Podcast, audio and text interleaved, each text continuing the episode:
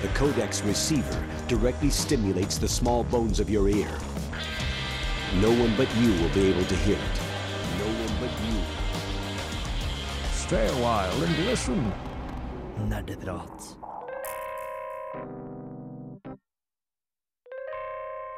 Hallo, hallo, hallo, og velkommen til herre ukas nerdeprat. Yeah! Denne gangen så har jeg med meg ah, Torben! Steinar! og Tor Magnus. Hurra! Hvem faen er det? Ja, det skal vi høre senere i sendinga, faktisk. Oi. Jeg tenker Først og fremst, i dag så skal vi snakke om spill som er satt i rommet. Og da tenker jeg typ uh, Vi har jo nylig snakka om den nyeste Star Trek Bridge Crew-spillet. Uh, no Man's Sky. Vi skal ikke snakke om No Man's Sky i dag, faktisk. What? What? Men først så skal vi sette stemninga med Mercury, Mercury Rise av Electric Eye. Og i sann nerdpratstil så har vi spilt litt i det siste. Hva har vi fordypet i det siste? Eh, skal jeg svare først? Ja. For jeg vet ikke om din påstand holder vann. Ikke? Nei, jeg har ikke fått spilt noe siden sist. Har du ikke det? Nei. Jeg har så vidt starta å studere igjen. Men det er gjort nå, faktisk, rett før sendinga, så kom jeg syklende hit. Så hvis, hvis du som hører på hvis, hvis det lukter litt vondt av headsetet ditt, så er det bare min uh, svettelukt som uh, har sn- sneket seg gjennom mikrofonen og sånn. Men, eh, Istedenfor Smell-O-Vision så er det Smell av radio.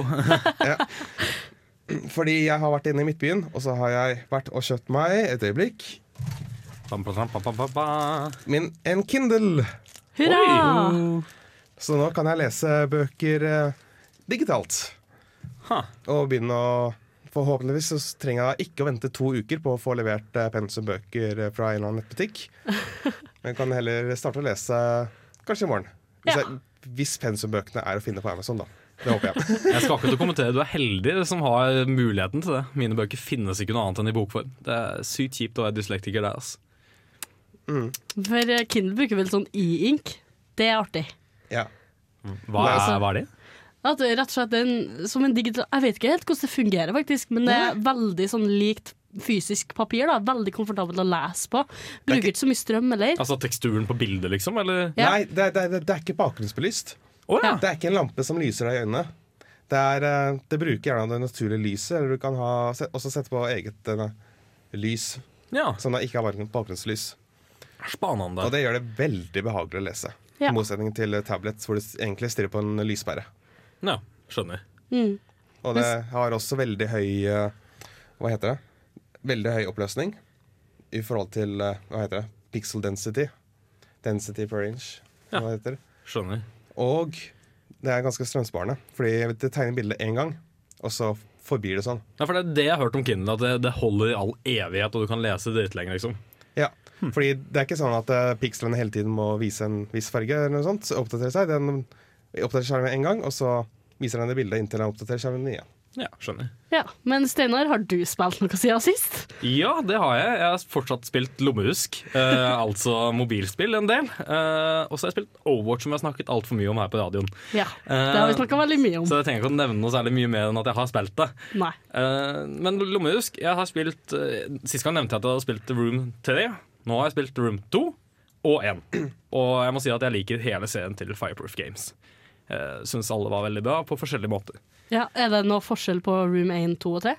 Veldig, i hvert fall 1 og, t- en og 3 syns jeg var ganske stor forskjell på. Fordi eneren var veldig sånn eh, Jeg syns det var tyngre. Det var ikke like mye at du kunne gå gjennom rom. Det var liksom en, en boks eller en eske du ble presentert med, og så masse puzzles i løpet av den boksen. Da. Ja. Så Litt det, artig, da. Det, ja, det var gøy. Det var litt mer hjernevridning på det. ja. Vi har jo en ny stemme i studio som vi skal introdusere mer senere. Tor Magnus, har du spilt noe siden Er det i det siste, da? Hei, hei. Uh, hva jeg har spilt i det siste? Jo, altså, nå har jeg nylig kommet til Trondheim og greier, så det har vært veldig mye å sette seg inn i.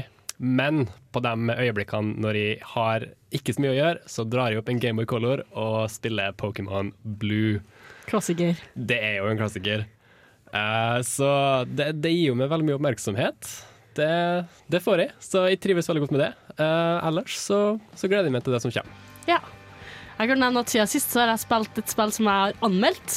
Som jeg, jeg ikke vil spoile nå, for jeg vil ha en litt sånn overraskelse. For å holde litt på spenninga. Eh, ellers så har jeg spilt Overwatch, det har vi snakka om jævlig mye før. Og så har jeg spilt No Man's Sky, som vi ikke skal snakke om i dag. For det har vi også snakket en del om. ja, for det har vi snakka veldig mye om. Nå skal vi gjøre Halcyon Years av Panda Panda.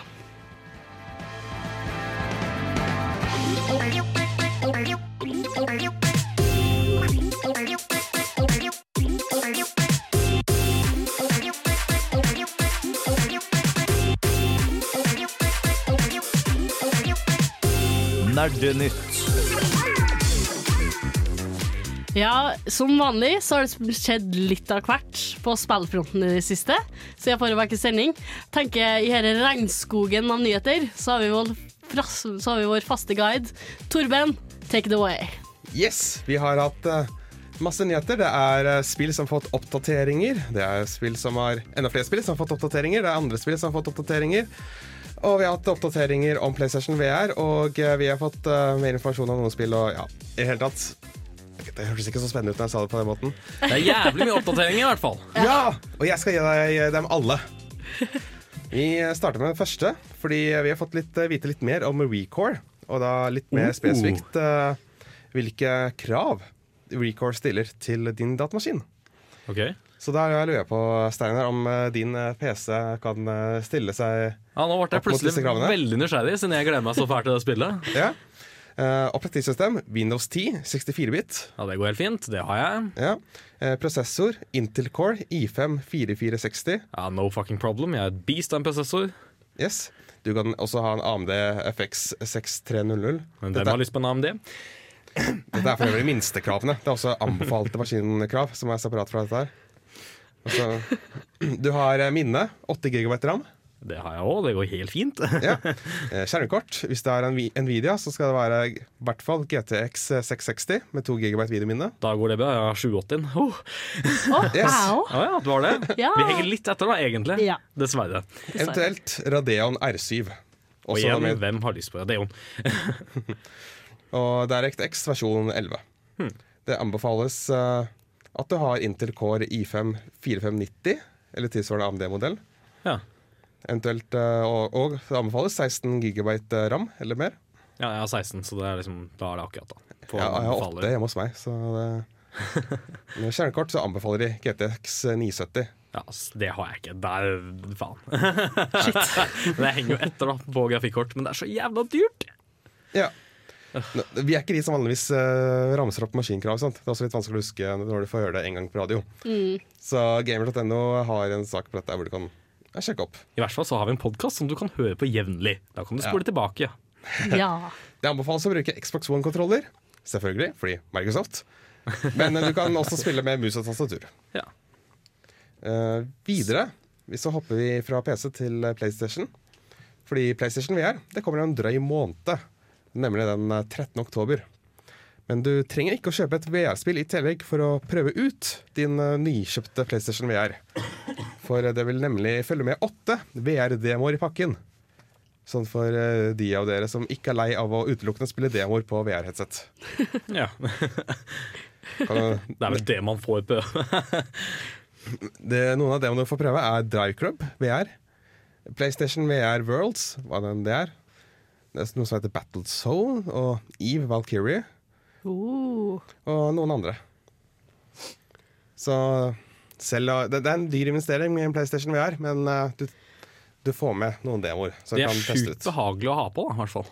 Ja, det er også det jeg har hørt. At det er det mest behagelige headsetet så langt. Altså, jeg har hørt at uh, altså, Det ryktes jo at Star Trek Bridge Crew kommer til alle VR-plattformer, så jeg håper at det kommer til PlayStation VR, for da kan det hende at Nei, jeg kan ikke for meg, for jeg har ikke en PlayStation. kommer jeg på. Ja. Du må vel, Ah. du må vel også, sånn jeg skjønner det, så må vel ha en, en ny PlayStation nå? Eller Ja, en ny? PS4 Ja, en ny versjon av PlayStation 4. Jeg kjøpte min, og den har ikke kraft nok til å kjøre VR. Tror jeg. Nei. Hvis ikke jeg husker feil, men det, kan, det er lenge siden jeg leste om det, altså, så ikke ta det for god fisk. Det Nei. får vi kanskje høre mer om på pressekonferansene. Som er, eller pressekonferansen som er i kveld. Ja, Fordi det er eh, to pressekonferanser som er, som er i kveld. Det vil si at dette kommer litt for seint for de av dere som er på podkast etter, etter onsdag.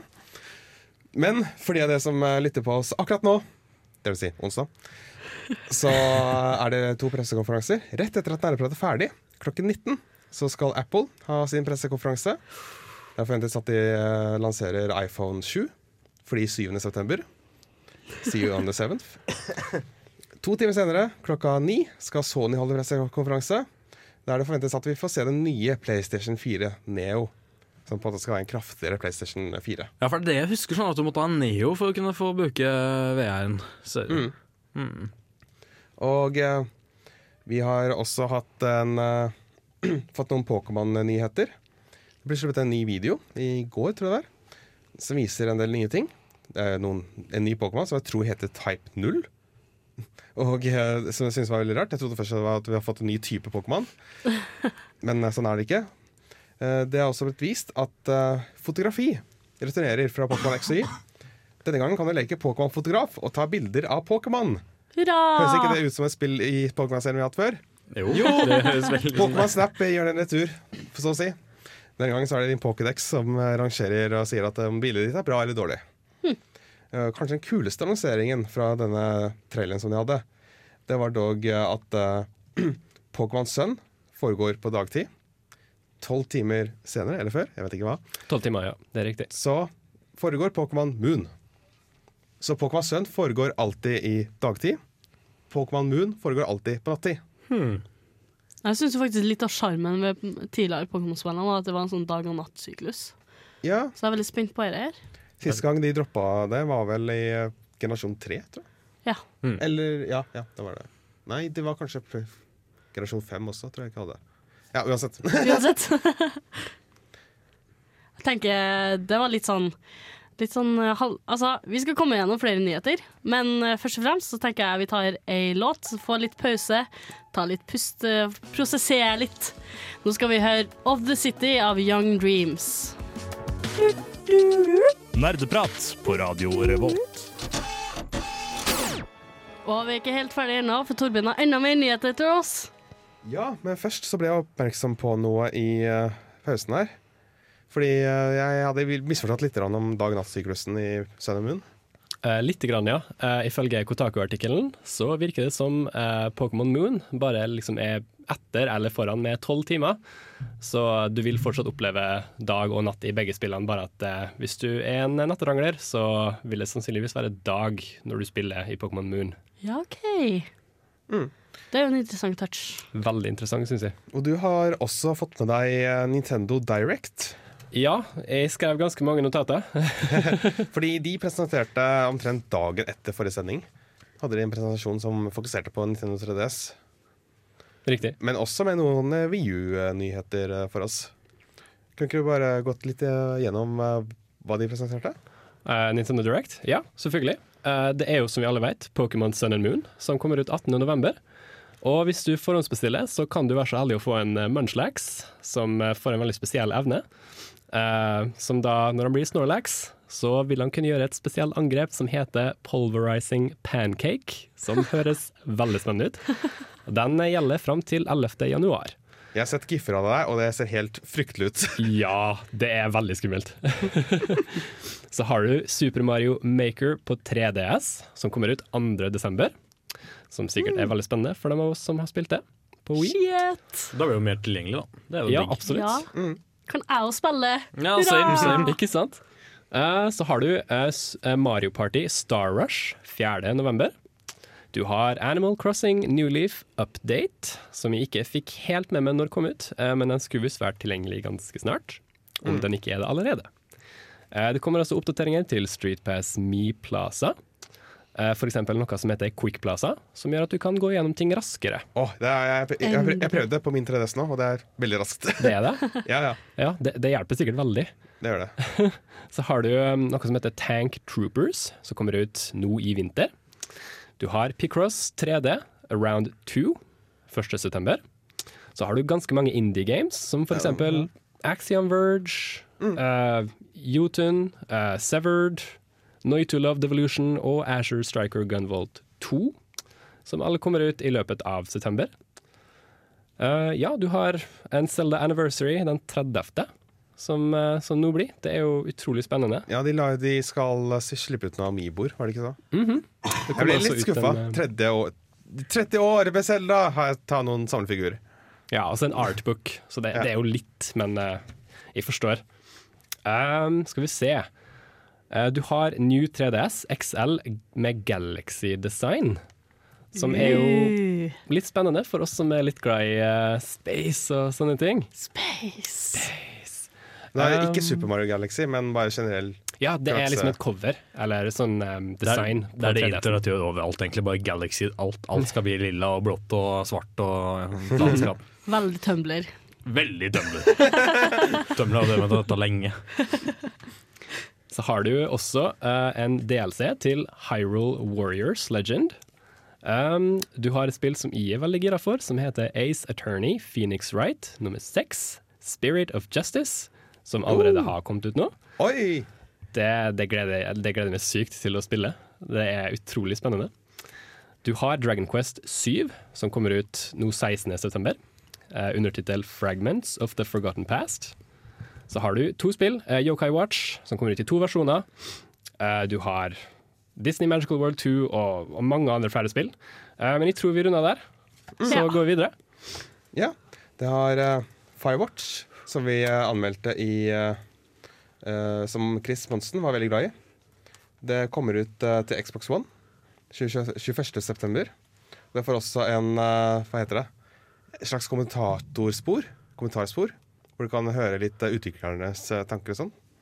Og det får også free roam-modus, sånn at du kan gå rundt slik du selv ønsker. Åh, endelig! Allwatch har fått oppdatering Ja! med det nye Eichenwald-kartet. Det var dritkult! Ja. Jeg har faktisk ikke spilt Overwatch ennå. What?! Jeg vet. Vel, hvis du har en PS4 eller Xbox One, så har du sjansen nå til helga. Da er Overwatch eh, nemlig gratis for PS4 og Xbox One-eiere. Riktignok må du ha Xbox One Gold eh, på eh, Xbox One, men hvis du har PlayStation 4, så trenger du ikke PlayStation Plus. Så vidt jeg har skjønt. OK. Så da kan du prøve alle heltene og alle, og alle erfaringspoeng sånn, som du samler under denne gratistestinga. Det får du også beholde i det endelige spillet hvis du bestemmer deg for å kjøpe det. Wow, kanskje gjør det, da. Vurderbart, i hvert Ja, fall. jeg kan ikke si at jeg har prøvd det selv på konsoll, men jeg kommer til å prøve det nå i gratisperioden. Ja. Du får vise meg.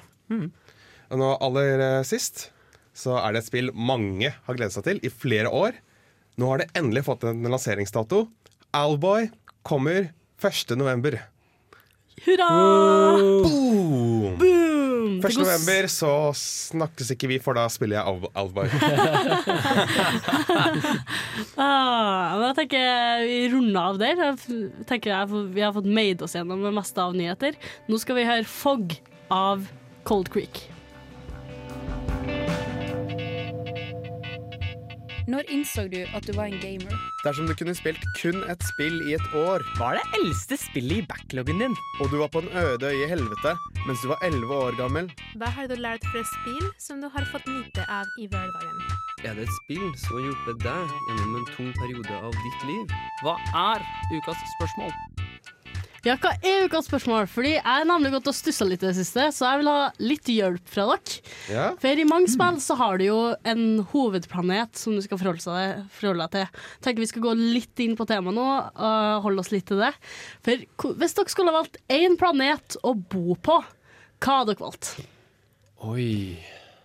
Planet. Hmm, nå må jeg tenke litt nå. Går litt gjennom alle planetene i Star Wars-universet og ser litt. Skal vi se. Hvor er det jeg har hatt lyst til å bo? Ikke Nabu, i hvert fall. Um, Er det den som eksploderer? Nikke Steinar. um, Jeg tenker faktisk Jeg kan begynne først, da. Fordi jeg skal være kjedelig og velge jorda, men kun under en veldig spesielle forhold. er det lov? Er det det? Ja, er det lov til å velge spesielle ja, Det er en Ah, planet, du spør jo ikke om forhold. Jeg synes det er litt juks. OK, da. Greit. Nei, men, nei jeg, tror jeg, hadde, jeg tror faktisk jeg hadde valgt uh, Valken. Ja. Valken? Hvorfor? Ah. Hvor, hvor er jeg spent. Altså, Jeg tror ikke jeg hadde klart meg så lenge der. Nei. Det har vært sinnssykt interessant å ha hatt et sånn uh, veldig Altså, Valkens de er jo litt religiøse også. De har liksom den filosofien. Mhm. Og det synes det har vært veldig interessant å leve i et samfunn bygd rundt det. da Og dette er fra Star Trek-universet, ikke sant? Ja. OK, da det stilte Ja, Ja, det svarte jeg- litt spørsmål. Ja, ja. ja, med jeg folk lurte på det. bare antar at han vet det. En dukk? Nå er jeg veldig spent, altså. Jeg trenger litt mer tid på meg, altså, kjenner jeg. Eh, Er det noen andre som har funnet seg en planet å ville bo på? Det, her, det var veldig vanskelige spørsmål, eh, men altså, jeg, jeg har jo spilt eh, litt Star Wars, faktisk. Og i det spillet online så syns jeg at Alderaan var faktisk utrolig nydelig. Det var litt på en måte som, som Norge og Canada under liksom, høst-vintertid-forhold. Uh, så jeg, jeg tror faktisk Jeg har alltid likt meg i litt sånn kalde terreng, da, så jeg tror liksom det har vært eh, det har vært min, eh, min planet. Alderaan er en jævla fin planet òg, så jeg er Ikke så veldig rart. Jeg tror faktisk jeg skal endre svaret mitt, for nå kom jeg på den. Jeg ville ha bodd på Ilium i Mass Effect-universet. For det er faen meg den nydeligste planeten jeg har sett. Det er heimverden til Asaris, Mhm. som er dere blå eh, sexy aliens i Mass Effect-universet. Og det er liksom store, sånn veldig futuristiske bygninger, og det har en veldig konsistent sånn eh, byggestil, som er helt nydelig. Mm. Nei, jeg prøver å tenke meg gjennom og bare kjøre gjennom hvilke planeter i Super Mario Galaxy er i hele tatt eh, beboelige. Men jeg, det, det, det er ikke så mye av spennende planeter jeg har lyst til å bo på der, for det er liksom litt ensidig. Eneste måtte måtte eventuelt vært eh, hjemplaneten, hvor du har denne veldig hyggelige Toad-festivalen, eller Stjernebit-festivalen i starten. Ja, for det er jo veldig koselig, da. Ja, Det er litt sånn harmonisk og fint. Hvis jeg skulle vært uh, juksa litt, så ville jeg kanskje sagt eh, planeten der Pokémon-spillene foregår. Vi vet ikke navnet på den planeten. Så det er på en måte litt eh, rar- rart å skulle velge den. Men, Veldig mange øyer. ja. Det er mange øyer i- på jorda òg, Ja. Jeg må si meg enig der, altså. Pokémon-universet hadde vært litt uh, fantastisk å være i. Altså, vi sa jo i forrige sending at uh, altså, det er unger som misbruker dyr for å vinne penger.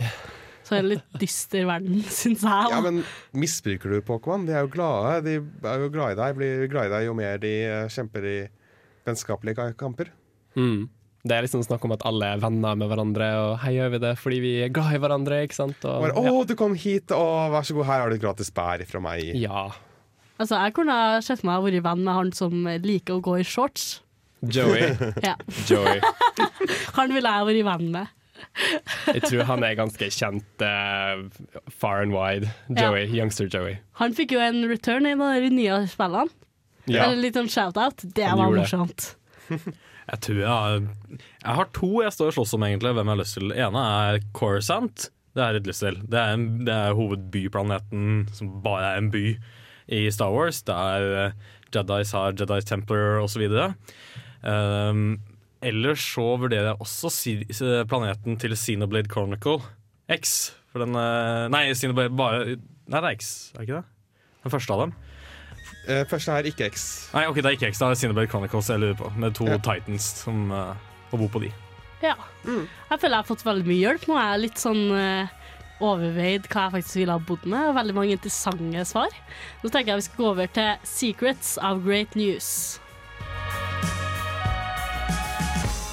Ja, før vi går ordentlig inn på temaet, så har jeg kanskje, har kanskje lagt merke til at det er en ny stemme i studio.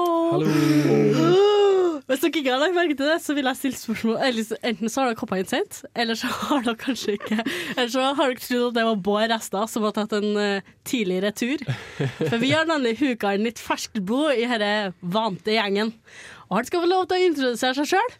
Kjør intro.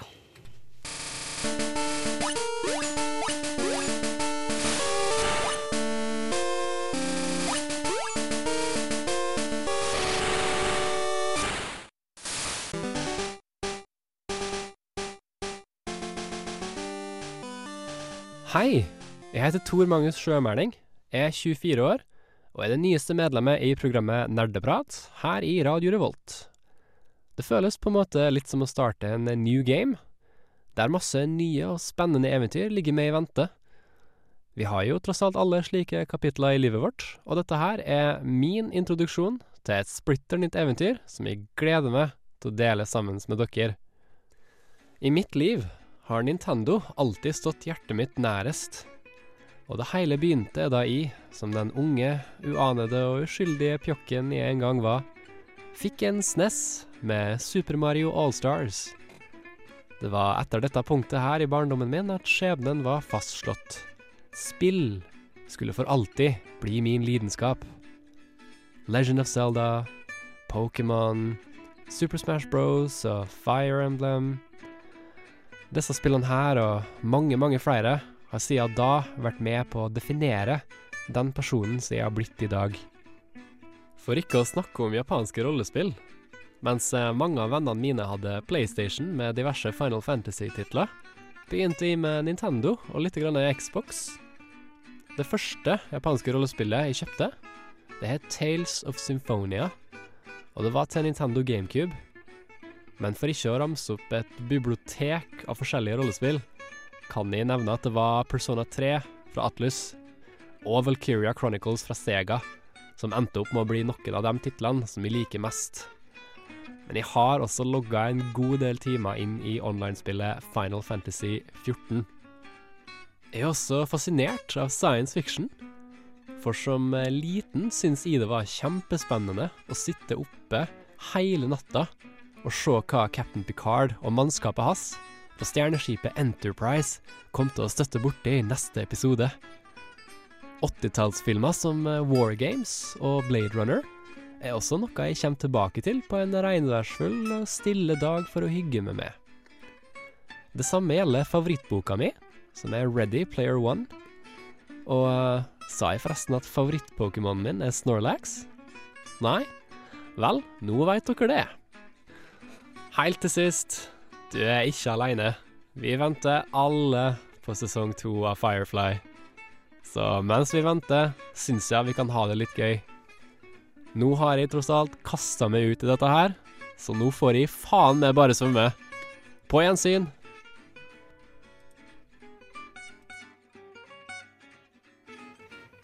Ja, det var TMs introsak. Vi kaller den bare TM her i studio. Eh, Yes, nå, er det på tide, nå er det litt på tide å grille deg litt, tenker jeg.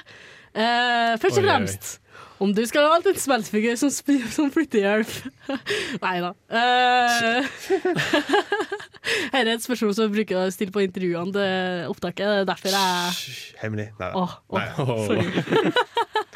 Nei, ja, det, er, det er Nei, men, eh, jeg tenker jeg kan starte med spørsmål som eh, ligger mitt hjerte nært.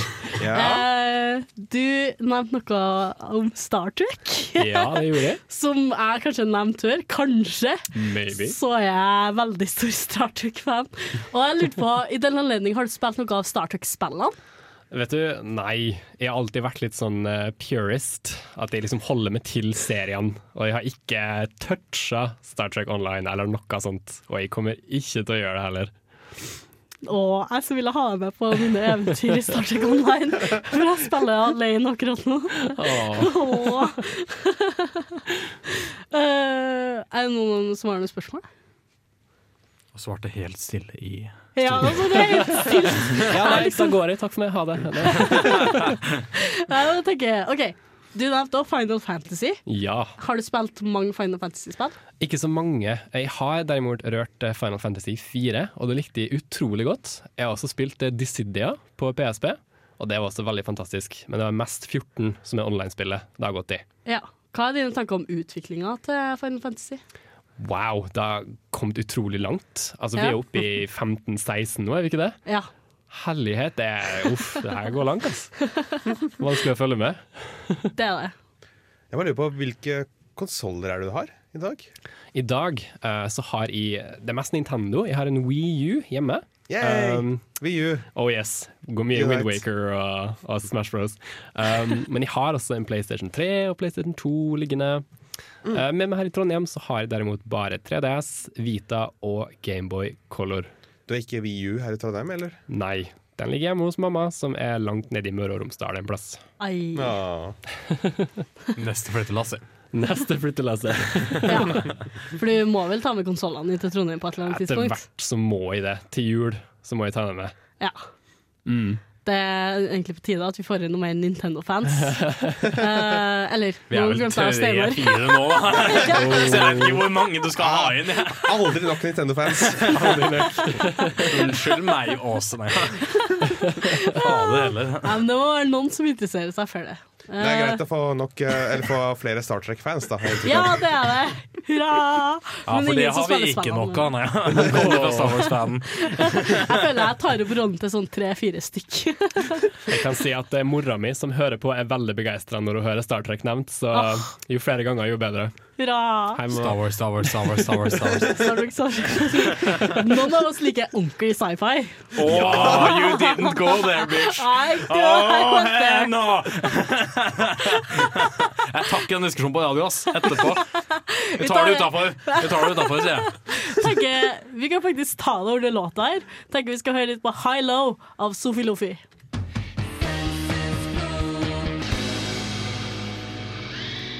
Vi skal over til T-modellen i dagens sending, og som intro til det så skal vi høre en anmeldelse av en, det som har blitt en av mine favorittromspill. Eh, kanskje en forløper til No Man's Sky, som jeg egentlig ikke skal nevne i denne sendinga. Eh, eh, og det jeg håper blir en klassiker og utvikle seg litt etter hvert, det kan vi snakke om i diskusjonen etterpå. Nå skal vi høre anmeldelse av Elite Dangerous.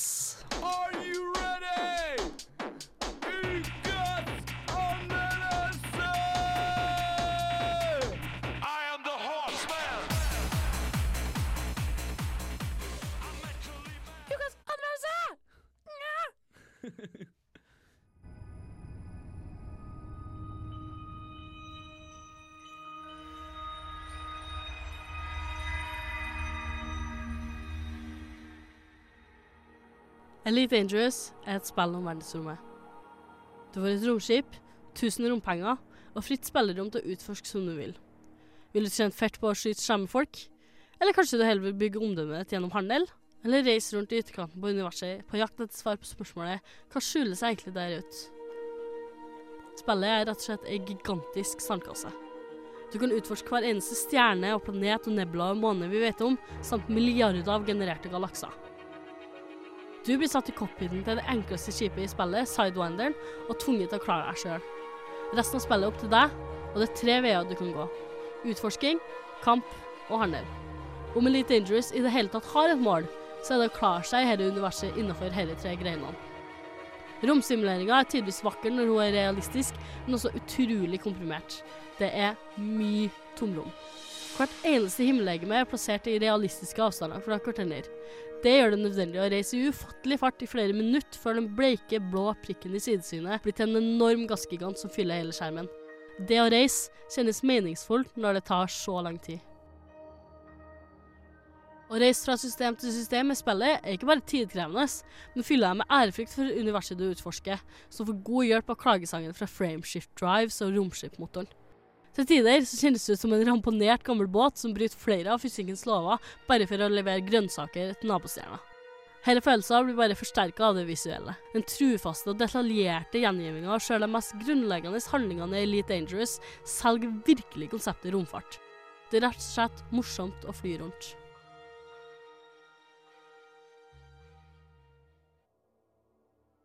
Etter et par titalls timer vil du likevel oppleve at du når et platå. Uansett hvilket yrke du velger, om det er handel, gruvedrift, utforsking eller bare det å skyte folk, så endrer ting lite på seg. Du får de samme oppdragene, bare med litt kulere skip, og du tjener dem akkurat de samme pengene, bare med noen flere nuller på slutten. Også utforskeren blir kjedsomt etter hvert som du dropper ut av hyperspace og oppdager at du har havna i et galakse nærmest prikt lik den forrige. Du kjenner deg ikke lenger som Roald Amundsen. Derimot har du bare havna i et solsystem satt på shuffle.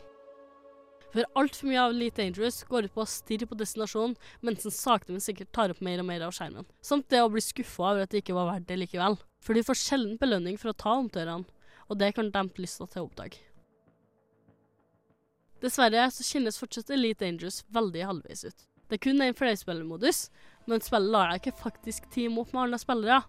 Den eneste fordelen du får, er at du en gang iblant ser et annet skiplegg til havn. Når det kommer til features som å utforske planeter, vel, da må du faktisk punge ut litt ekstra. Likevel så er det et nydelig spill, og den enkle gleda i det å fly rundt er noe alle burde oppleve. Lyddesign i spillet alene burde ha sett standarden for alle andre utviklere som vil fange spillerne langt ut av de sene nattetimene. Jeg vil våge påstå at det er det beste lyddesignet i nyere tid. Elite Dangerous er en nydelig arkadeopplevelse satt i verdensrommet.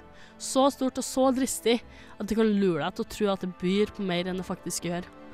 Du kommer sannsynligvis til å elske det likevel. Ja, for et spill! For et spill! Ah.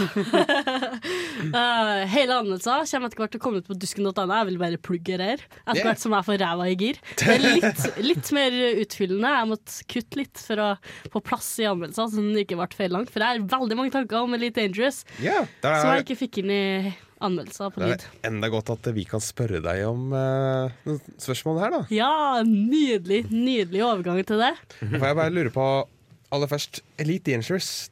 Jeg hører på noen andre spillpodkaster, deriblant uh, Rad Crew. Og dem har jeg hørt eh, snakke, eller skryte Elite Dangerous opp i skyene i Mm. og, mm, i hvert fall et år, tror jeg. For dette spillet har ikke vært Det, det har vært ute en stund. Hva Mm. fikk deg til å prøve ut spillet nå? Uh, jeg spilte No Man's Sky og ble litt skuffa. så da søkte jeg ut litt sånn Jeg har hørt om dette spillet, altså Elite Dangerous, veldig, veldig lenge. Og jeg har hørt veldig mange gode ting om det. Eh, jeg kan ikke si at uh, jeg er like entusiastisk for det. Jeg kommer sannsynligvis til å logge sinnssykt mange timer i det. Fordi det er noe tilfredsstillende med det å liksom grind litt og oppgradere skipet og sånn, men det er liksom litt sånn uh, det er så tomt. Det er så lite å gjøre, og det er liksom, du merker at det er generert da, etter hvert som liksom, oppdragene begynner å repetere seg.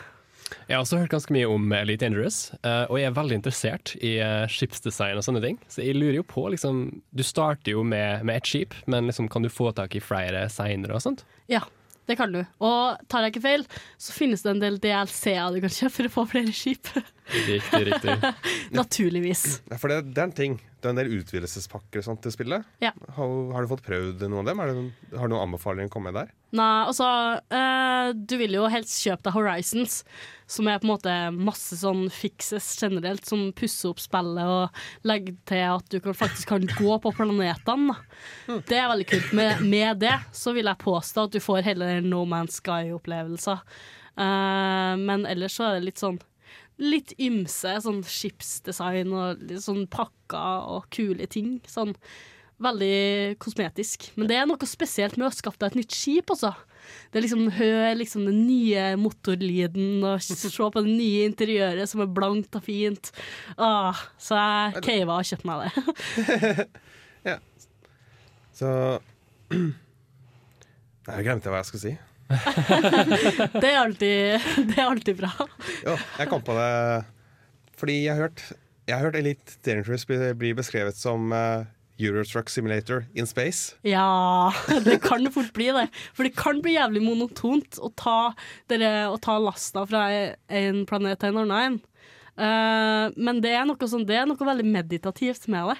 Spillet generelt. Og så når du sitter og skal ferde mot en destinasjon, du kan få sånne Tilfeldigvis hvis du fer gjennom rommet, så får du sånn unknown signal source eller noe sånt. Og da kan du liksom Å, dere vil jeg stikke noe og utforske. Det kan være liksom ja, hva som helst, egentlig. Sånn NPC-er som driver og fjerter rundt, eller pirater hvis du er et farlig, farlig del av rommet. Eh, så ja, det er definitivt noe meditativt. Du kan velge i veldig stor grad hva du skal gjøre. Og mens du sitter og bare ser på at planeten blir større og større, så må du jo gjøre noe. Og jeg valgte ofte å bare sette på et podkast og Ja. chille litt. Det var veldig sånn Veldig det jeg gjorde med Eurotruck Simulator. Rett og slett satt på NRK P3 ofte, eller satt på min Space-spillerliste med masse soundtracks for Star Trek og sånn, som jeg ligger om på Spotify. Ja, veldig, veldig fin opplevelse. Veldig Ja. Jeg digga liksom å fære rundt i rommet og utforske litt, sjøl om det ble veldig sånn ensformig etter hvert som jeg hadde spilt et par titalls timer av det, som jeg gjorde på to og en halv uke. Som sier veldig mye, da. Det er litt sånn samme, samme greia som gjør Truck Simulator, definitivt. Bare in space, som er det beste. Alt blir bedre in space. jeg mener, jeg tenker, altså, Nå har vi utforska litt uh, Elite Dangerous, men jeg tenker vi skal begynne å utforske litt sånn annet spill som er bra, annet spill som er dårlig, eventuelt. Litt sånn anbefalinger. Men først så skal vi høre Line of Sight av Acres Wild. Du hører på Radio Revolt, studentradioen i Trondheim.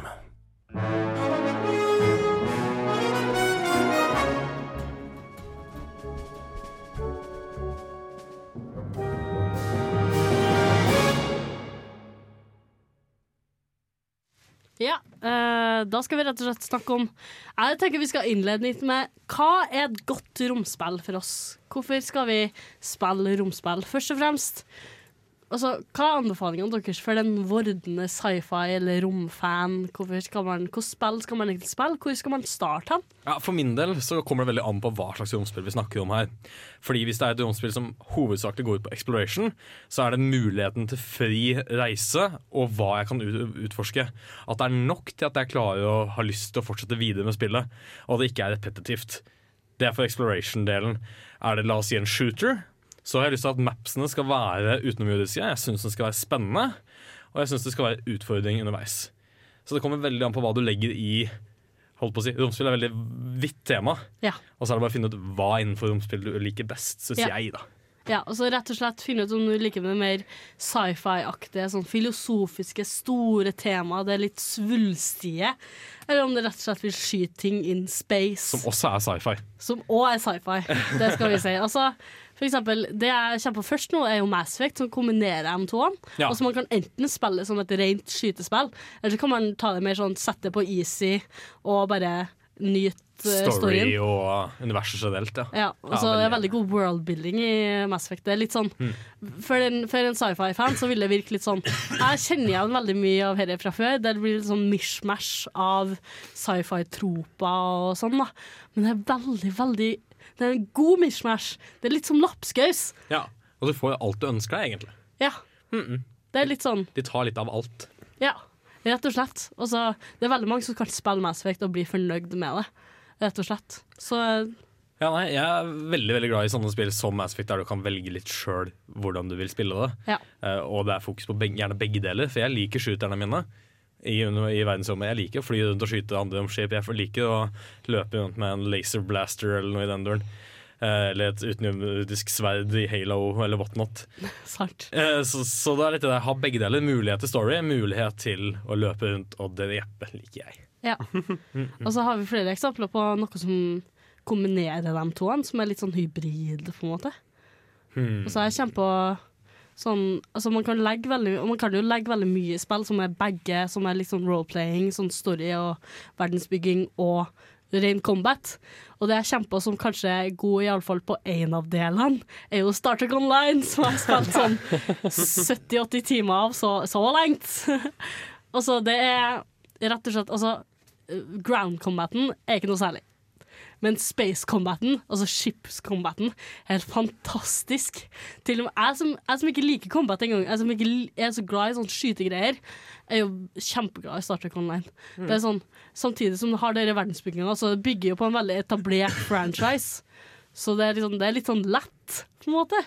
Eh, og, og så TM, som er litt sånn purist og kunne se på seriene. Jeg tror Mhm. faktisk du ville ha likt Star Trek Online hvis du ga det en sjanse. Ja, jeg hadde vel sikkert det. Uh, du, du får vise meg til det en gang. Samme Ja. som Steinar med Overwatch. Du, du får vise med Star Trek Online. Ja, så vi spiller i lag. Ja, vi må nesten det. Vi må det. Fordi også Star Trek Online, hvis du er Star Trek-fan, så er det sånn du kjenner igjen alle referansene. Det er veldig sånn, Til og med det obskure blir tatt opp i Star Trek Online. Det er veldig sånn, veldig bredt univers, og det tar inn alt fra alt seriene. Og det kan være både positivt og negativt. Uh, Enterprise! Men i all hovedsak så er det dritbra. Eh, men fra Star Trek til Star Wars. Vi Ja. har jo Star Wars-fans i studio. Ja, jeg må slå et slag for de gamle Battlefront-spillene. Jeg liker de. Jeg er ikke så veldig glad i det jeg gjorde med bare Battlefront. Det som skulle egentlig vært fire i serien, egentlig. Eh, som de tok over, da. Eh, For det ble litt for mye feeling av det samme, føler jeg. Det var ikke så mye maps, det var mange gameplay modes, men det var ikke noe jeg var interessert i. Banene var rotete, og alle blasterne føltes ut som akkurat den samme fuckings la- laserblasteren. Så der liker jeg bedre originale Battlefront 1 og Battlefront 2. De syns jeg er dritartig. Eneren fordi du kan fly romskip på planeter og ikke bare løpe rundt. Og banene syns jeg er små, kompakte, men spennende. Eh, og toeren er spennende fordi da kan det også være Jedis Men da fjerner man ganske mye av det space Nei, av romskipene på planeter, og heller tar det ut i verdensrommet. Til Mm. ordentlig real space combat. Ja. Som de fleste syns var det mest kjedelige med spillet, mens jeg syns var noe av det mest artige. Ja.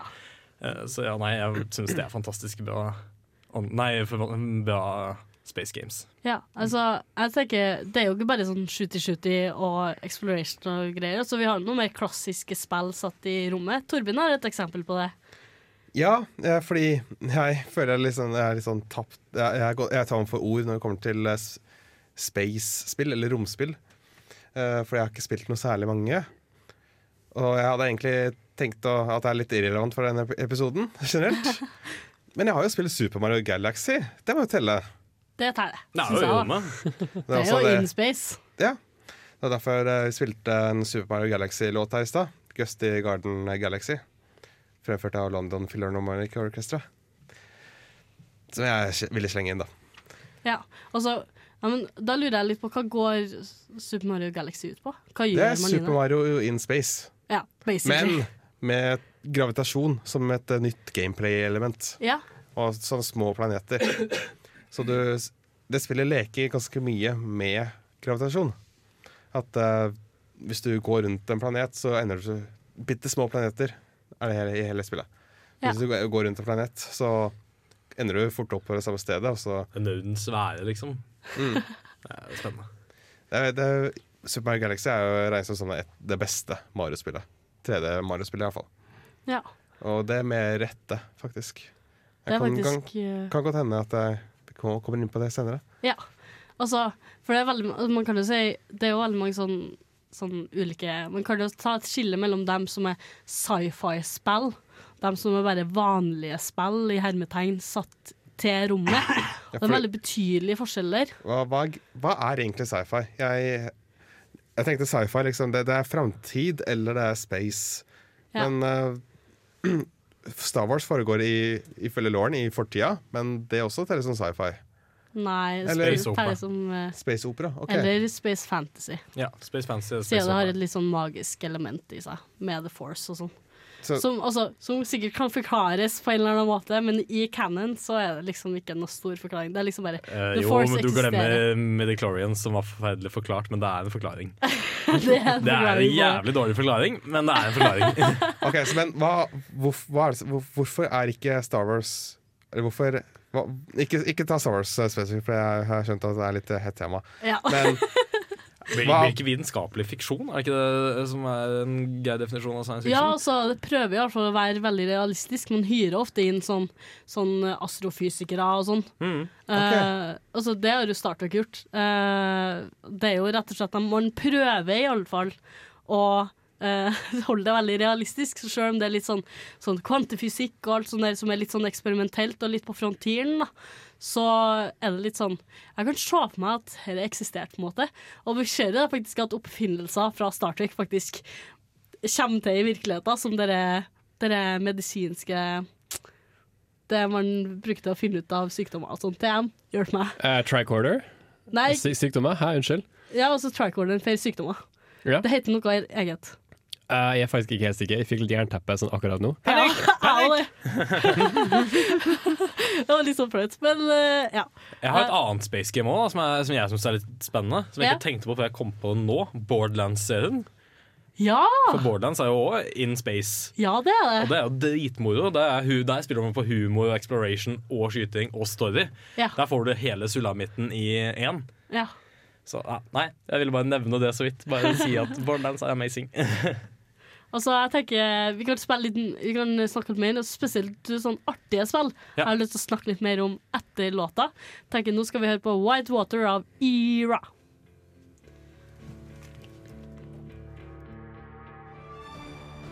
I'm Commander Shepard, and this is my favorite podcast on the Citadel. Nå har vi snakka sinnssykt mye om spill, men jeg tenker vi skal snakke litt mer, faktisk. Oi!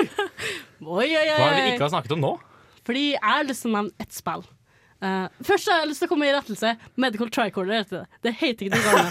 Jeg forvirra det med Mass Effect. Du sa du likte Star Trek. Kunne du ikke fakta om Star Trek? Skal jeg plage deg om det? Nei. Og så Man kan ta gang iblant. Jeg er ikke en fake fan, jeg lover. Jeg sett bare, jeg programmet siden jeg var seks år har, gammel. har du ligget til meg hele denne tida? Nei, jeg lover!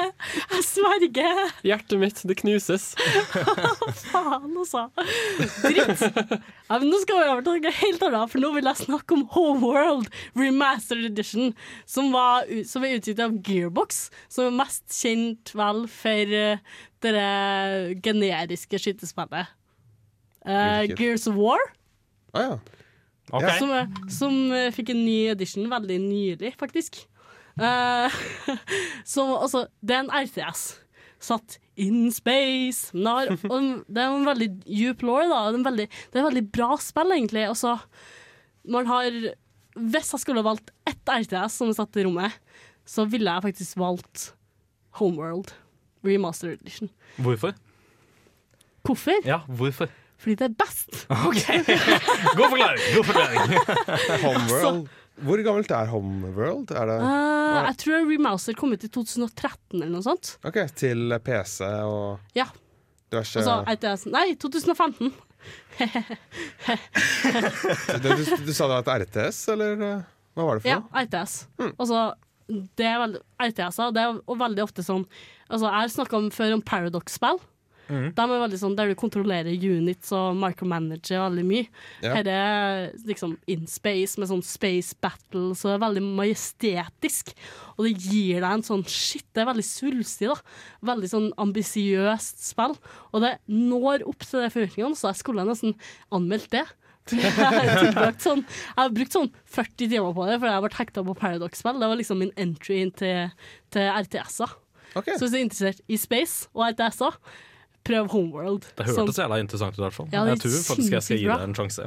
Altså, spesielt for, eh, for alle som er fan altså, Hvis du ikke er fan av RTS-eren, så er det en veldig enkel entry, da. Ja, ok. Eh, Men du får tak i det på Steam, liksom? Ja. Det er ikke sånn at du må gå gjennom en tutorial som tar flere timer, og så har du bare lært 1% av spillet? eh, jo. jo! Ah, da må jeg revurdere. Jeg hater sånne spill. Gjør du det? Ja, jeg gjør det, for jeg syns det er så tungvint å måtte lære seg alt sammen sjøl. Ja, men altså, jeg tenker sånn i Jeg liker å bli holdt i hånda, OK? I Paradox-spill, altså i andre ETS-er, så er det ofte sånn Ja, det tar veldig lang tid å lære seg det, Mhm. Men det er så verdt det. Og du lærer veldig mye etter hvert, sånn, etter hvert som du spiller mer og mer. Jeg har spilt over 200 timer med Crusader Kings 2, og jeg lærer fortsatt.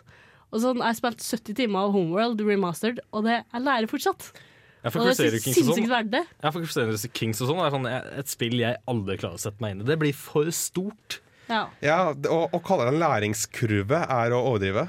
Det er mer en læringsstup. Ja. Eller oppstupe. Læringstrapp. Um, Læringsvegg. læringsvegg, ja. Som du aldri blir ferdig med å klatre. Og da mister jeg litt lysta på det, dessverre. Ja. ja, men det, det skjønner jeg, altså. Men uh, dette Homeworld, var det det het? Ja. Remastered edition. Det er uh, litt eh, snillere, eller? Ja. Jeg vil si at det, altså, jeg opplevde det som veldig snilt. Men det er kanskje sikkert noen som er uenig med meg. Som er veldig sånn RTS-fan som er uenig med meg på akkurat det. Men jeg syns det var et fantastisk spill. I tillegg så har jeg lyst til å nevne eh, Space Engineers, som er Minecraft i rommet.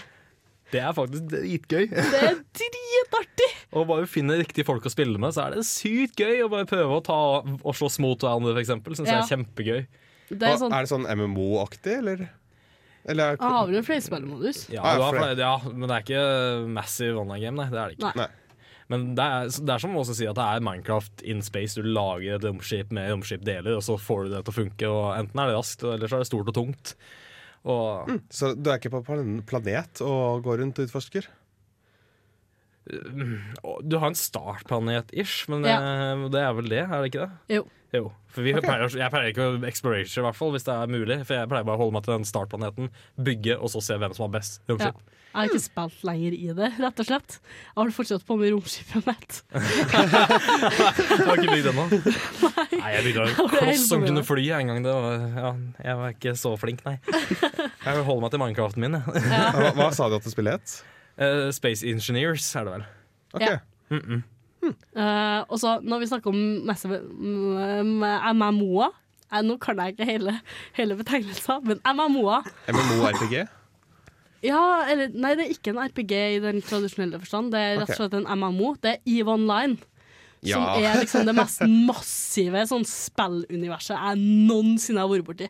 Har en økonomi. Det har liksom spillere Når du først begynner i det, så er det sånn Det er jo sinnssykt metagame. Den involverer spillere så sinnssykt mye. Og det sånn, når du først begynner å spille EVE Online, så spiller du det dritmye. Så du kan ikke spille ti timer av EVE Online. Du kan ikke det. Og så akkurat Ja. Eh, mitt eneste forhold til EVE Online at det iblant kommer artikler om at ja, nå har det vært en eh, stor krig i EVE Online, og eh, verdier tilsvarende 17 millioner dollar eller noe sånt har gått tapt. Ja. Nei, OK. Jeg, jeg, nå, nå bare tror jeg Wow. tall ut av ræva mi, men uh, Jo, jo, still. det er, Jeg har hørt historier om en fyr som uh, skulle warpe, men plutselig så innser han at oi, shit, nå har jeg warpa rett inn i fiendens territorium. Og så bare Nei, shit, nå må jeg komme meg vekk herfra. Jeg rakk ikke det. For, og så peiler på, og så bare utspant det seg en krig hvor massevis av materiale sånn, så folk gjerne bruker ekte penger på å ha, skaffe seg sånn. Mm. Hvor, hvor alt det bare går tapt. Bare Men er det et pay to win-game, eller? Nei. Nei? Jeg vil ikke si det, altså. altså det, det er veldig sånn uh, pay to have an advantage-spill. Ah, ok, Så sort of pay to win. sort of pay to win. Går det ikke veldig mye på, på tid? At altså, Jo mer tid du legger inn i det, jo, jo mer får du tilbake for det. på en måte Ja, Mm. definitivt. Altså, det er et spill som du kan søke veldig mange timer i. Og eh, en ting jeg syns er litt interessant med EVE Online, er at eh, det er eh, de, de islandske utviklerne som står bak spillet, involverer spillerne sine ganske mye. Jeg har inntrykk av at de har en slags konferanse og sånt med spillerne sine. Ja. At de har noen sånne representanter for spillerne som er med på utviklingsteamet. Og på en måte gir formidler brukernes tilbakemeldinger til utviklerne. Mm. Og de er på en måte veldig sånn demokratisk uh, satt opp uh, på den måten. Ja. Altså, de involverer spillerne veldig mye. Det gjør de. De er veldig flinke på det. Tar veldig mye sånn uh, tilbakemelding og ja. Men jeg tenker Nå har vi snakka veldig mye, faktisk. Jeg tenker vi skal gå Vi kommer litt tilbake på rom og rom, og så litt større diskusjoner om det. Eh, nå skal vi høre Throwback Galaxy av Shige Toshi Gohara og Koshi Kondo. Fra Super Mario Galaxy 2! Ja. Ja, nå er vi tilbake. Nå skal vi snakke enda mer om spill. Det er jo det vi gjør helt på Nerdprat. Nå har vi nettopp hørt Throwback Galaxy av dem jeg ikke kan uttale navnet på. uh, rett og slett et, et spill som jeg kom på noe sånn under låta. Uh, det var uh, et spill som heter Artemis. Hvis dere ikke har prøvd det, hvis du er, hvis du er sånn sci-fi-fan, ikke har prøvd Artemis, gjør det nå med en gang. Huk inn masse venner, sett opp en storskjerm. Altså, dedikere en hel evening til det. For det er så fantastisk. Det mest eh, immersive sånn opplevelser jeg noensinne har hatt. Men også, hva er, hva er det for noe? Jeg, jeg er en sci-fi-fan, men jeg har aldri prøvd det spillet. Aldri hørt om det engang, dessverre. Og så rett og slett se for deg at du er på, en, på et ekte skip. Så har du folk som er plassert på stasjoner. Sant? Noen som er med kommunikasjon, og så er det noen som er kaptein. Det er Star Trek. Ja, veldig Star Trek. Det er så å si et Star Trek-spill, liker jeg å si, da.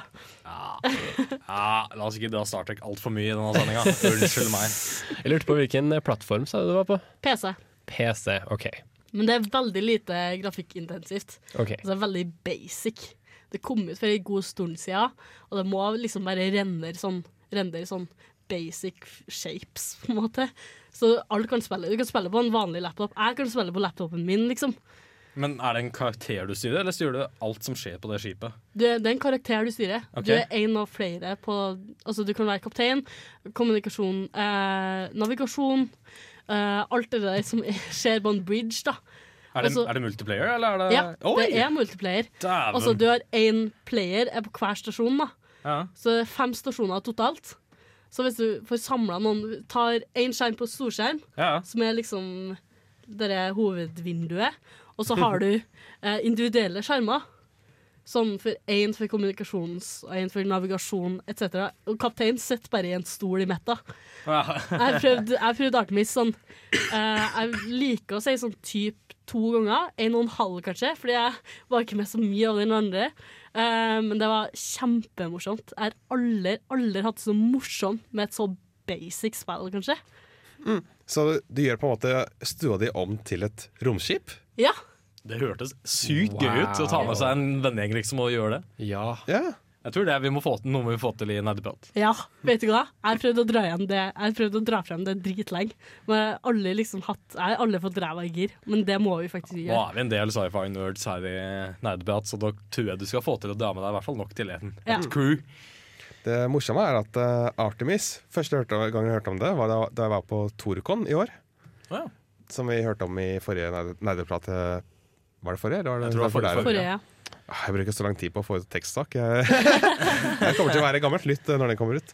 Men uh, ja, det er på uh, Torcon så hadde de en eget uh, rom som var dedikert til Artemis. Oi. Hvor uh, folk kunne utenfor skrive seg på uh, pukkerommet på det. Så hadde de ferdig oppsett med Jeg tror jeg, jeg så så vidt innom, og der var det flere PC-stasjoner. eh, Sånn som du beskrev også. Og Som- en stor som- skjerm. Som satte opp et crew for deg, liksom? Og så fikk du De hadde satt være med? opp eh, PC-en og sånt eh, for deg, så kunne du ta med dine venner og Oi. prøve det ut uten at du må ommøblere stua di. Det høres dritgøy ut. Men det høres ut som det perfekte LAN-spill, da. Mm. Syns jeg, i hvert fall.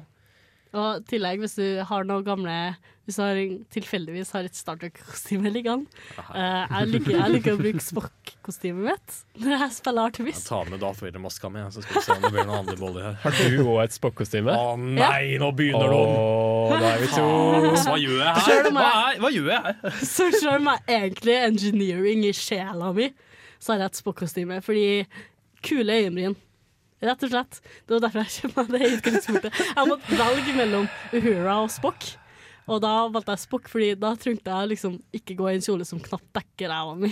Jeg tror Åse og Tor Magnus trenger en egen nerdepratsending bare dedikert til Star Trek. Altså, vi snakker om, roms, vi snakker om romspiller, og veldig mange av dem er jo inspirert av Star Trek. Og så trenger jeg en Star Wars-fan, kjenner jeg. Men altså, selv om vi er liksom interessert i både Star Trek og Star Wars, så kan vi jo egentlig alle liksom si at vi er glad i science fiction eller er space opera og sånne ting. Så Ja. vi, vi er sammen om det. Det er vi. Ja, ja, ja. Ja, Ja, selv om vi krangler litt. Det er gøy å krangle litt om akkurat Star Trek Star Wars. Da. Det er alltid ja litt det er det. Og det er veldig hett tema. Åse Maren har også fått lov til å snakke mye om Star Trek eh, på radio. Ja, i Filmofil forrige uke snakka jeg om Star Trek. Det var, veldig, det var litt begrensa, men jeg fikk ikke snakka mye som jeg ville. Men det får jeg sikkert aldri gjøre. Du fikk ikke hele sendinga for deg selv, Åse Maren? Nei! En skandale! Hva er vitsen, liksom? Men eh, hvis du kjære lytter, har lyst til å høre Åse Maren eh, snakke om, eh, om eh, hva heter det, Star Trek, Ja. så er det bare å gå inn på Filmofil. Altså, hele temaet var jo reboots, da, remakes. Mm. Uh, så vi snakka litt om Battlestar Galactica òg. Så det, det var dritmorsomt. så fikk jeg snakke om litt av hvert. da Så hvis du er interessert i sci-fi generelt, uh, så anbefaler jeg Filmofil forrige uke. Ikke bare fordi jeg var på det. Da veit jeg, hva jeg, hva jeg skal gjøre når jeg kommer hjem. Ja. Ja. Jeg tenker, Nå har vi snakka mye igjen, så nå skal vi rett og slett unwind med enda en Super Mario Galaxy-låt. Boy Base Galaxy. Mahito Yokota. Boy Aller all, all, først så er det Ja, først er det feil, Space det var, det Junk Road. spoilers. Ja, Space Junk Road av samme fyren. Den fyr svart. Jeg vet ikke. vi, vi får høre den, vi. Ja.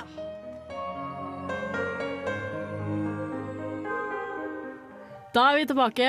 Da har vi hørt Space Nei, jo. Space Junk Road av Mahito Yokota. Yes. Yes! Det var ganske Jeg bra. klarte det! Jeg fikk det. Super Mario Galaxy-musikken er noe for seg selv, altså. Ja. Og jeg space-musikk generelt er Ja, men det er litt sånn det gir på en måte altså det er noe sånn Det er noen musikktyper som passer veldig godt inn i den space-greien, og så har du liksom noen som er sånn skikkelig sånn «Woo!» Så skikkelig svulstige og gir deg en følelse av at shit, finnes noe større enn oss her i universet. Stort, episk. Ja. Sånn, Mm. altså, Star Wars er jo dritfin musikk. Ja, John Williams, altså. Han er beste filmkomponisten. Mm. Mass Effect har dritfin musikk, dem òg. dem, faktisk. Ja, det er det òg. Altså, uh, spesielt Mass Effect 2 har nydelige låter. Og så har du Mass Effect 3 som har sånn Særlig den, uh, um, den låta som spiller når du forlater jorda. Den er som har sånn Reaper-lyder. Reaper er hovedviljen i Mass Effect 3. Nydelig. For jeg syns det er noe av det viktigste i Eller kanskje ikke det viktigste, men i hvert fall noe av det som er viktig i et space game, er at jeg syns det er viktig å ha bra musikk. Mm. Bra låter, bra komponert. Og jeg, det skal være episk. Jeg skal sitte igjen med feeling at jeg er liten i et svært, digert univers. Er... Altså, vi, vi snakker, jeg, snakker, jeg nevnte jo det når jeg snakka om Elite Dangerous. Og lyddesignet i spillet er fantastisk, og det perler for så mye. Og så rett og slett, det gir en sånn følelse av at shit, jeg, det var med på å gi meg den ærefrykta for den, det universet jeg har utforska. Altså, det var en sånn så trofast gjengiving av liksom sjøl de mest basic greiene. At jeg fikk en sånn shit, dette føles sinnssykt ekte. Mm. Og nå blir det litt filmsnakk her, men eh, Star Wars Jeg er så sinnssykt imponert over lyddesignet der. Satt i kinoen så nyeste episode syv. Mm. Og eh, bare ble sjarmert til senk av eh, romskiplydene og det, det, det, det er så ekte. Skulle sett gliset mitt nå, ass. Det er to meter bredt. yes, vi snakker om Star Wars! Selv om vi gjorde det mesteparten av forrige sending også. Ja. Jeg, jeg skal gi det den, ass, Star Trek-fans. Vi snakka mye om Star Wars forrige gang, så dere skal få lov til å snakke litt om Star Trek i den. Det gleder meg veldig mye, så jeg, har det min sending, føler jeg. Ja, så jeg endelig snakke om Star Trek. Ja! Det var det som måtte til. Det var, det, som, det var rett og slett det som måtte at jeg skulle være programleder. Da får jeg snakke om Star Trek, for da er det faen meg jeg som bestemmer. Så kan jeg sutte i et hjørne og bare klage over at vi snakker om Star Trek. Ja. Du, får- da får du bare Star, se Trek Star er, Trek. men Star Trek er bra. Det lille jeg har sett, skal jeg ikke klage på. Altså. Nei, vet du hva? Jeg skal kombinere en liste til deg med det beste Star Trek-episodene fra alle seriene. Gjør det. Jeg er villig til å prøve, selv om Ja. jeg liker å være den fanboyen som klager bare for å klage. Men eh, ja, sånn. send meg, så skal jeg prøve å gi det en ordentlig sjanse. Ja. Ja. Dritbra. For det er noen nydelige episoder av Star Trek. Jeg anbefaler også det for så vidt til de som føler at de bare liker Star Wars. Altså, Ja. Science fiction er ofte jævlig bra generelt. Gi Mm. alt en sjanse. Ja. Og så utforske litt, og særlig jeg vil også anbefale Battlestar Galactica. Og så, når vi snakker om Battlestar Galactica, så har jeg faktisk litt lyst til å snakke om brettspill. Oi, Brettspill, ja. Brettspill og Space brettspill? Ja. Okay. Brettspill in Vi, space! vi brancher litt ut nå, føler jeg. Fordi jeg, det, er nesten, det er nesten obligatorisk. Fordi også, den space-opplevelsen er veldig vanskelig å eh, få, få til i et brettspill. Ja. Det skal så mye til, man trenger så mye atmosfære og så mye involvering. på en måte Og så Battle Galactica-spillet er jo en av de beste spillene i sin sjanger, vil jeg si. da Altså, det gir deg virkelig altså, Det foregår ikke bare på brettet, det foregår òg sånn mellom spillerne, for det er veldig sånn meta. da Hva, hva er det som gjør det? Er det at det blir en story i det dere spiller, eller Ja, rett og slett. Altså, du former din, din egen story. Altså, grunnkonseptet er at du skal hoppe fra planet til planet. Hvis du har sett Battlestar Galactica-serien, så er det basically det nå. Du skal komme deg til jorda. Ja, okay. Og så har du noen aliens som heter Cylons, som jobber imot deg, da. Mm. Som eh, plutselig har fått evnen til å altså, kle seg, eller se ut som mennesker. Morfe, det- eller bare se ut som? Bare ser ut som. Ja, okay. Rett og slett er liksom veldig menneskeaktig. Veldig sånn avansert teknologi, da. Så det blir litt sånn Hvem kan jeg stole på, hvem kan jeg ikke stole på? Og det gir en veldig sånn, sånn ensomhetsfølelse, for du skal bare komme deg til jorda. Og det er så sinnssykt vanskelig. Og alt dette får du ned i et brettspill? Ja. Det er gærent, det høres jækla spennende ut. Ja, Og så har du expansion pack som legger til masse funksjoner. Altså, det er ikke alt som er like bra. Men uh, altså, selv, altså, grunnspillet er fantastisk. Så det vil jeg anbefale. Ha. Det visste jeg ikke. Og har dere noe space tabletops som dere har lyst til å snakke om? Veldig lite. Det nærmeste jeg kommer en space tabletop, er vel Star Wars i risk-form. Å, seriøst? ja, ja, ja.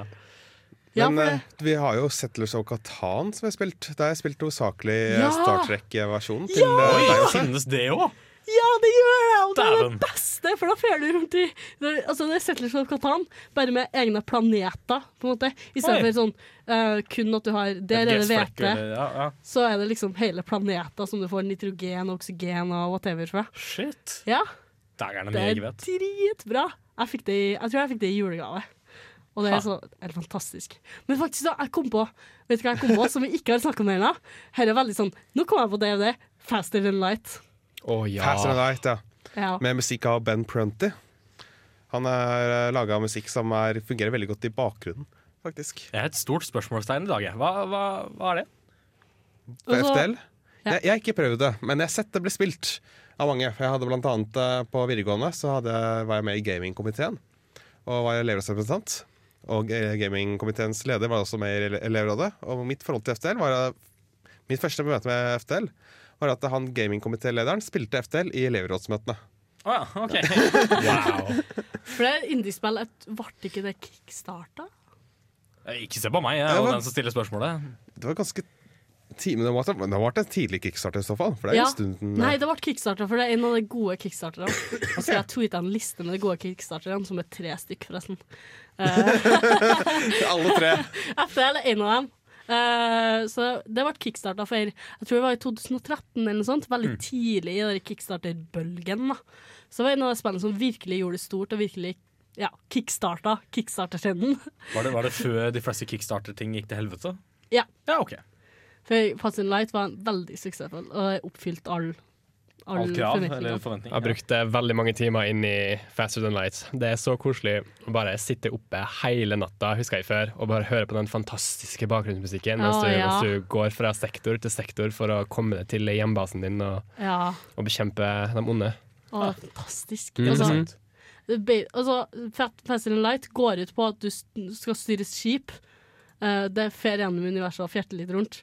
Og så skal du etter hvert så må du forsvare deg mot ulike trusler. da. Enten det er på en måte på skipet eller eksterne trusler. Og hvis du, hvis du dør, så, så, så må du starte på nytt igjen, for det her er det som kalles en rogelike. Det har vi snakka om, det har vi hatt en egen sending om. Det kan du finne ganske tidlig i arkivet vårt, tror jeg. Ja, sending fem eller fire eller noe sånt. Ja. Det var en sending som jeg Jeg vet ikke om jeg deltok på den. ja, men altså Det med at man har en sånn endelig slutt, er jo veldig sånn repeterende tema i sånne romspill. Det er jo liksom, det skal jo gi deg den um, denne Å, hva heter det? Humble? Ydmyk. Uh, yd, ja, den ydmykheten som du skal ha i møte med rommet. da. Helt fantastisk. Nå har vi snakka mye igjen. Nå skal vi faktisk Det har vært veldig mye snakking i slutten. For vi har veldig mye vi skulle ha sagt. Nå skal vi høre på den som har uttalt feil i stad. uh, jeg kan ikke uttale det første ordet. Boy-based Nei, jeg, galaxy. jeg hadde funnet ut hva det ordet hvordan det, Boy. Wheel-based galaxy, kanskje? Boy.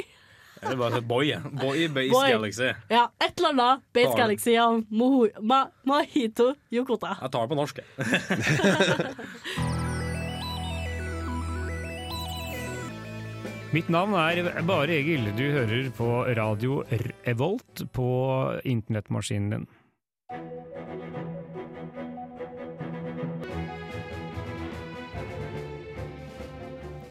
Herregud, så mye vi har snakka om i dag. Vi har vært innom så mye. Men det syns jeg reflekterer på en måte hvor bredt romspillsjangeren er. Jeg syns ikke jeg føler ikke vi har vært innom halvparten engang. Vi har snakka om Super Mario, vi har snakka om Battle Galactica-spillet. Vi har snakka om eh, brettspill, liksom. Vi har snakka om eh, Star Trek. Bitte litt Star Wars, i alle fall. Det kom inn lite grann. Jeg fikk litt tøst på slutten. altså, ja. Jeg syns vi Og så har vi snakka om Mass Effect, Faster than Light. Herregud. Battlefront. Battlefront. Men, Mer. Mer. men, i, men i verdensrommet så kan ingen høre deg snakke om verdensrommespill. Nettopp. Ai. Uh, Ah, øh. No one can hear you scream. Det er det som er sånn, For hvis jeg hadde vært i verdensrommet, så hadde jeg faen meg skrekket hele tida. jeg bare! Den første tida tror jeg hadde skrekket, og så hadde jeg vært dau. ja, men se for dere, for Det finnes jo sånne rom der, de, eh, der du ikke kan høre liksom, noe annet enn tankene dine. Du kan ikke høre noe lyder. Har du ikke hørt om dem? ja, jeg har sett en video om det. Å, Det hørtes faen, det veldig paranoia ut. Jeg tror jeg hadde fått litt panikk. Jeg, Altså- han jeg så video av, han eh, hørte til slutt eh, ganske godt sin egen hjerterytme. Ja. Det, det er helt skummelt. Altså, jeg ser for meg at rommet er sånn. Det er faen ikke greit, ass. Du skal hete å sitte her Bones fra, fra Star Trek. Det er sånn Space is just uh, et eller annet med sykdom og miserabelhet og alt mulig. Altså Good quote. Good quote. Veldig god gjengiving. Som sagt så er jeg en fake Star Trek-fan. Nei, nei da, du er ikke det. Med Enterprise pizzahjul. Ja. Enterprise Pizzahjul. Som Chris Monsen gjør narr av hele tida. Og jeg blir faen meg så jævlig irritert. Jeg vil i studio i dag og snakke om romspill, så har vi vært i Torben. Steinar. Tor Magnus. Og Ås Marius Skard. Jeg har prøvd å gelede dere gjennom denne utrolig vanskelige verden. Vi snakkes. Ha det bra.